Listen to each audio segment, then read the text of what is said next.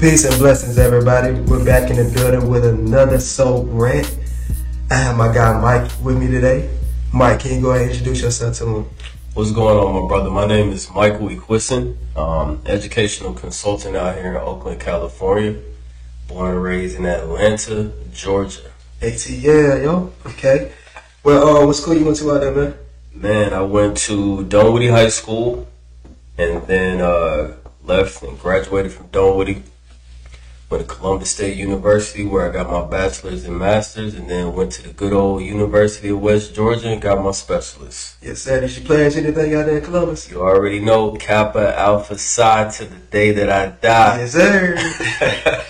and for everybody listening, y'all gotta excuse my voice. Um, this week was our very first week back in school, and they had me out on recess duty, and I kind of lost my voice out there. So I got my boy Mike in here. You know, you know what I'm saying? Pick up and, and drop some bombs for you today. So I had a little rant the other day, and in my rant, I was just basically talking about how in education, I feel like they give our black scholars the excuse to fail. It's just like instead of giving them empathy, they give them sympathy. And I understand in every war, um, allies can be a contributing factor to if you take that, that W or you're going to take an L. Mm-hmm. But in this case, it's like, if I have an issue, if I have a problem, I want you to help me. Don't just come in and just take over my terrain. Exactly. So sometimes I feel like in this space, our allies kind of take over education and, and like kind of overpower our black teachers by telling us what our black scholars need. And in actuality, it's kind of like they're hurting them because they're not preparing them for the world that we face every day. Mm-hmm. So if you could, could you just speak on that, just your experience of just dealing with that situation? Yeah, man, there's so many points to hit on with this. Um, I think the first thing is the expectations that they set for African American kids. I think that when our allies see us maybe struggling or they see us not performing well, they immediately think that it's us instead of leaning into curiosity and maybe thinking that it's it might be their instructional delivery. It might be their instructional delivery that's outdated or that's not meeting the needs for the way that we actually learn in the classroom. And so I think that just in talking about one particular point when we talk about them being in a way, they're setting low expectations for us, assuming that we can't do some of the rigorous lessons Talk to them. that they're assigning in the classroom and they want to quickly go to oh you know they he has an IEP or um, he has a learning disability or some things are going on at home instead of just assessing let me think about how my instructional delivery looks in the classroom maybe I'm not giving my kid an opportunity to explore the ways that they have learned things and share with me how they can actually solve problems. And so I think in that, you know, that's just one way that our allies can be in in a way is by setting low expectations for us and diluting the learning experience instead of increasing or enhancing their instructional delivery to support us and meet the needs of those students in that particular classroom. Yes, sir, bro. You just hit it in a nutshell right there, and that's and that's the biggest thing. I like I like how you brought up the IEP as well too, because to be honest, it just seems like they just handing those things out like flapcakes. You feel me? But I just know that as a just growing up as a black child, um, I do have to acknowledge my privilege. I grew up with a father who did not play no games when it came to my education. Mhm. But we are aware that now we're living in times where it's just like sometimes that child is not being held accountable at home. Mhm. So if that child is not being held accountable at home and they're not being accountable in the school, Mhm. how does a child survive in the world when they leave these protections of the school walls?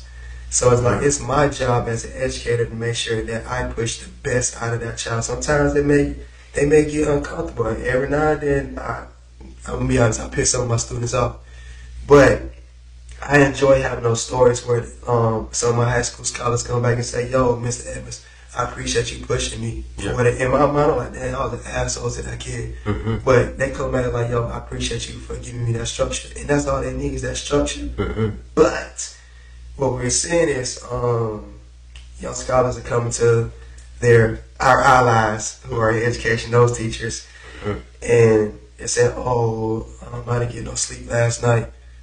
Um, oh, it's okay. You can go in the cool down corner and just lay on the beanbag while you just miss out on this instruction." Mm. But in my head, I'm like, "Oh, you didn't get no sleep last night because you was up on the game or you was playing YouTube. I mean, on YouTube or whatever like that." So it's like, I'm going to make sure you get this instruction. Mm. So it's like I, I I I know that's part of building a relationship because like I I understand the culture, I understand this kid because once upon a time I used to be him. Exactly. So when it comes to building a relationship, how important do you feel it is that our allies build these relationships so they can get a better understanding of this guy? Man, it's crazy that you're saying this. I just recently read an article about the importance of building relationships when we are talking about the learning and development of an actual child, like the science behind learning. In order for people to learn, they have to have a relationship with the actual person that's delivering the content, and then they have to be able to connect to whatever is being delivered to them.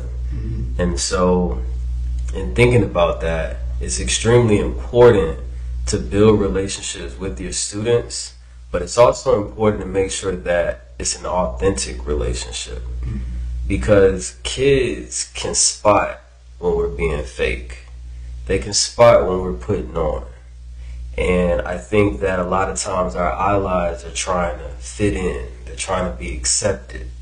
And what they don't understand is the kids just want to see you for who you are Exactly. and they want you to be 100 with them. They want you to be authentic with them. Like you stated earlier, a kid playing Xbox all night, they come to school, they're tired.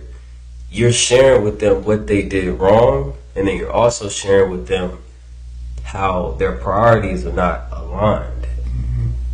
Unlike our allies are just simply saying, hey, I know you haven't slept, you can go do this instead of doing the actual assignment they're missing an opportunity to actually correct and instill a positive behavior and action within the kid. And so you see how that cripples us.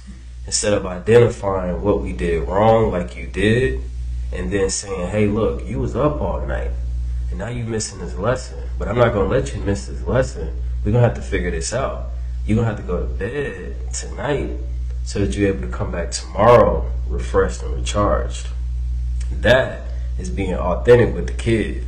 That is building that relationship with the kid. Not a kid respects you because now it's like, man, my teacher sees what I'm doing wrong. He calling me out. He wants me to do better. He's not just brushing me up under the rug or just saying, hey, you ain't got to do this. You know what I'm saying?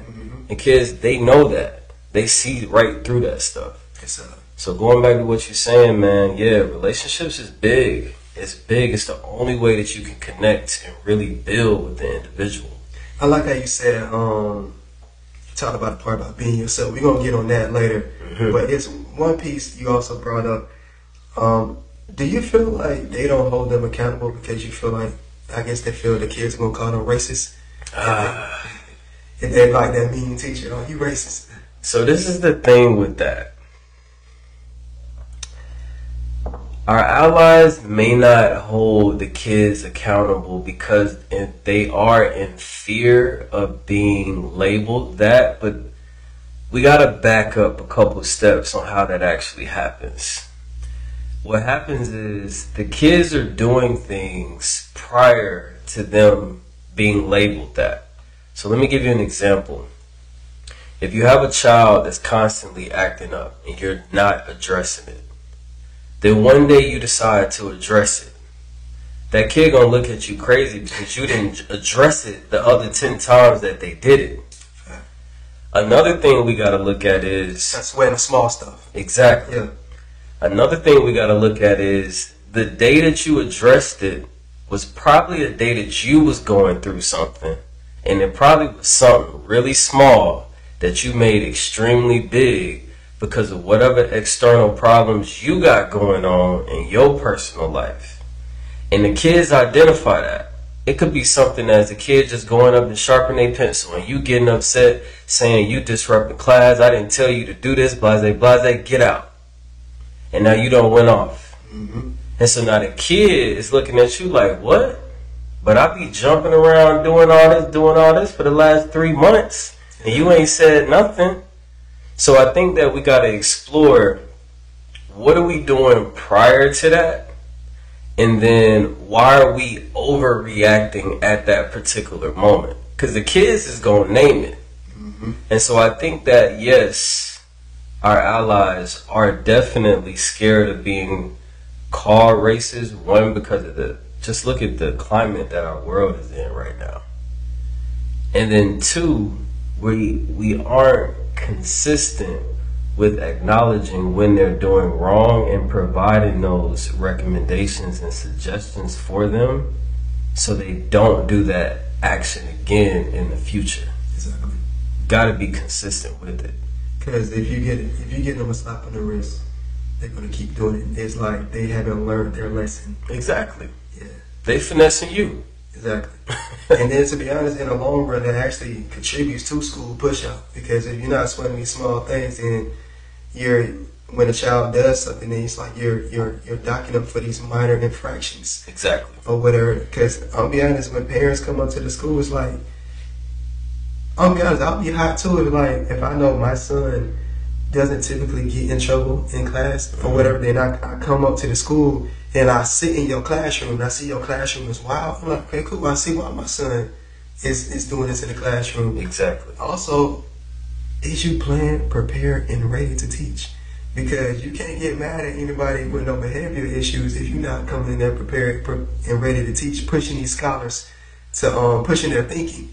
But because you have these low expectations, you come in here with these bullshit lesson plans, and then they end up running your shit. You feel me? Exactly. You gotta come prepared, man. You gotta come prepared. You gotta know how to adjust.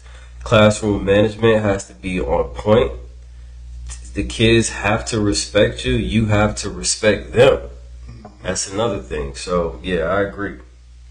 I was thinking about this movie called um, I think it's called Freedom Writers. hmm And um, when she came in the classroom, she came in with a Tupac quote. And I think it was Mario's character. And Mario character was like, well, you think we black? You just come in here and just throw, throw a Tupac quote and you got our, our trust and our respect. so going back to what you said about be yourself, like, how important is it for just them just to be themselves? And I use the example of Gary Owens. Gary Owens has a big black following. hmm But Gary Owens is that same quirky guy. He's himself. He he don't try to act like Eminem or anybody else. He acts like himself. hmm But it's like because we see that authenticness in him, it's like yo, you he's he's able to teach us something that we may not know because he's being himself. So Exactly. like, how important is it? Cultural deposits are important for childhood development. And so the importance of teachers being themselves is extremely vital for kids because it gives them an opportunity to see people that may not be like them. Because that's the way, that's the world we live in. America is international. Every city we walk in now, the, the schools are super diverse. And so teachers trying to be like something that they aren't to try to please the kids is doing a disservice to the kids. It doesn't matter if you are from Buckhead or if you are from a small town in South Carolina. It, it really doesn't matter. Like the kid needs to experience that. They need to know that everybody is different. They need to know that we all have different views. We we may agree on this, we may disagree on this. And we need to learn how to work through that. We need to learn how to communicate through that. And so doing all of this just to please the kid or to receive the grace from the kid, we all know through personal experiences how it feels just to do things just to please people. You're going to feel burnt out. You're going to feel like they don't really care. And you're not really going to get the results that you truly want. And so doing that in the classroom, it's the same exact thing. you're not gonna get the respect from the kids because one, again, like we said earlier, they see right through it. They see that this is not you. You sitting here playing around. You got a mask on. Mm-hmm. They see right through that. That's the number one reason why they're not gonna respect you. If you're not being real with me, why why I'm gonna respect you? You putting on. You know what I'm saying? And so, and kids, like we think that they are not as smart as they really are. They're really some brilliant individuals. Yes, indeed. And we got, we really have to cultivate that within them. But yeah, it's important for teachers to be themselves, be their authentic selves. Do not try to hop on the latest trends. Like you don't have to do the TikTok dances. You don't have to talk a particular vernacular. Like you don't have to do that. You know what I'm saying? Like because it one, I just feel like it waters down our culture. Yes, because every black child is not the same. Exactly. It, and, you know, you never know how other people are going to take that. You know what I'm saying? And so, yeah, just going back to the cultural deposits, man, kids need to see different types of individuals. You do not have to try to be like them to win their grace. To win their grace is to be authentic and to be yourself. And so closing out, man, this is my it's just on how do we message this to our to our allies in the workplace professionally? Mm-hmm. Because pick this, uh, quick story time. So the assistant principal at our school last year, she was a dean of culture. Mm-hmm. She led a PD.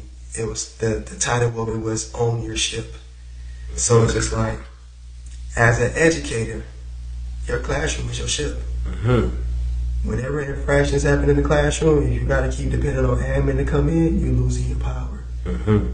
So it is like we, we told them, sweat the small stuff, gave them the system. This is the behavior system. These are the tiers that you do. Mm-hmm. do facilitate whatever teaching moves you need to do. Mm-hmm. Oh, that's policing black bodies. We're not about to do that. Okay, cool. I'm doing it. Mm they start having issues in their classroom, who do they call? Admin for support. Sometimes they have to send them to my classroom or whatever, but it's like we message to them like respectfully. You know what I'm saying? Like we give them the, the globes first, how you listen with the globes. Then we get them like, okay, cool. This is the area where you need to grow in. And they still, it's still some type of disconnect where they don't go back in the classroom and take the feedback that you just gave them. Mm-hmm. so it got to a point where we just all got heated as a black stuff. It was one PD we had, bro, and it's just like, bro, we went off. Mm. We, we, in the professional world, we code switch all the time. Like we step, when we step in a professional setting, we're professional. But I'll be honest, bro, we went back to our rules, what we know, bro. How yeah. And it's like, how do you message this to them? Because at the end of the day, it's like, I get furious because I just know that it's this service to our black child, mm-hmm. to our black scholars, all of them, period. But it's just like, I know what the world is like. I know what it's like to be a black person outside. Mm-hmm. But it's like sometimes they give our scholars a false sense of privilege and entitlement that they're not going to get in the real world. Mm-hmm. So it's like, how do we respectfully messages to them? without them getting in their feelings mm-hmm. How do we respectfully message to our allies without them taking offense of that message? Man, I feel like that's a whole book. There's so many steps. But I think if I could summarize that, I know we talked about a couple things here, but I I think that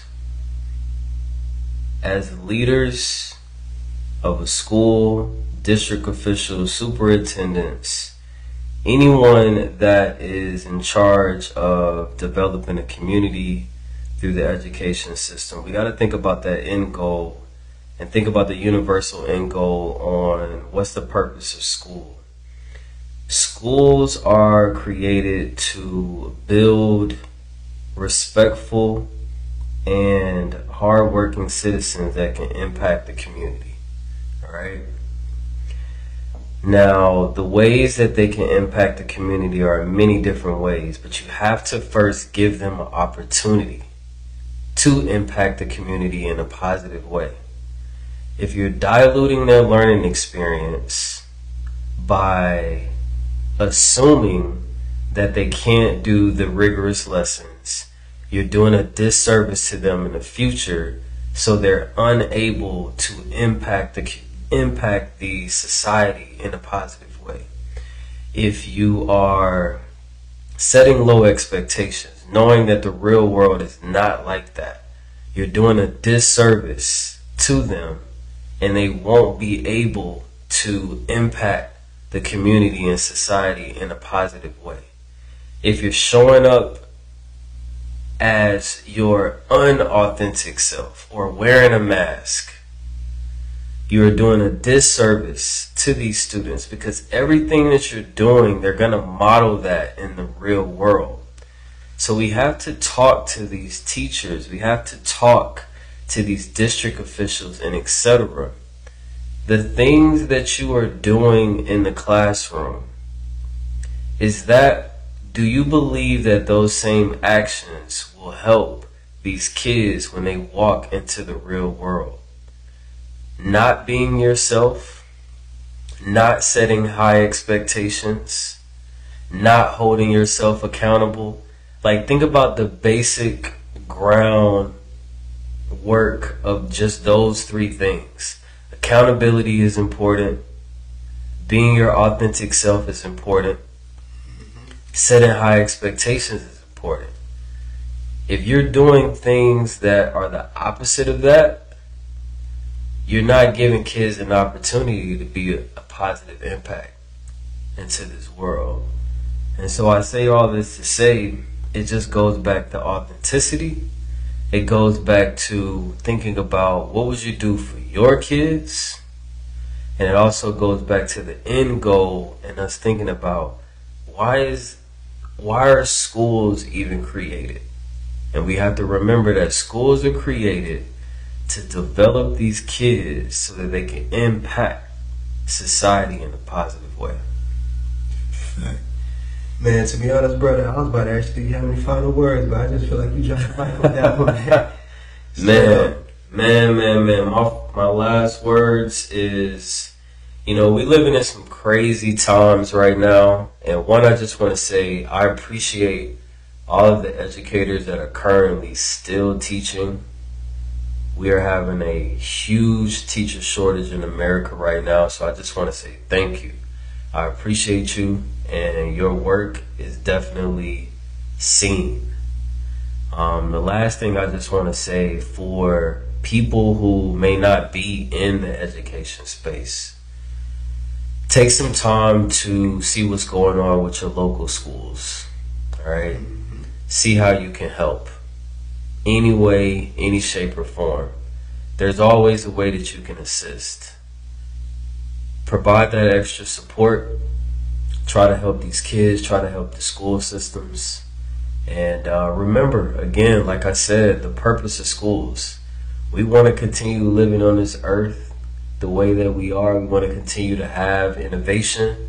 We want to continue to have doctors that are going to help us to come up with vaccines for, you know, worldwide viruses and all kinds of stuff like that. We want people to be able to continue to evolve and fight off what may happen that could possibly wipe out, you know, a society.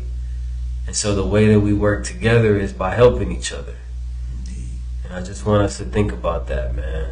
Just find a way to give back to your local community and just start with the school system. And those are the words that I'll end on today.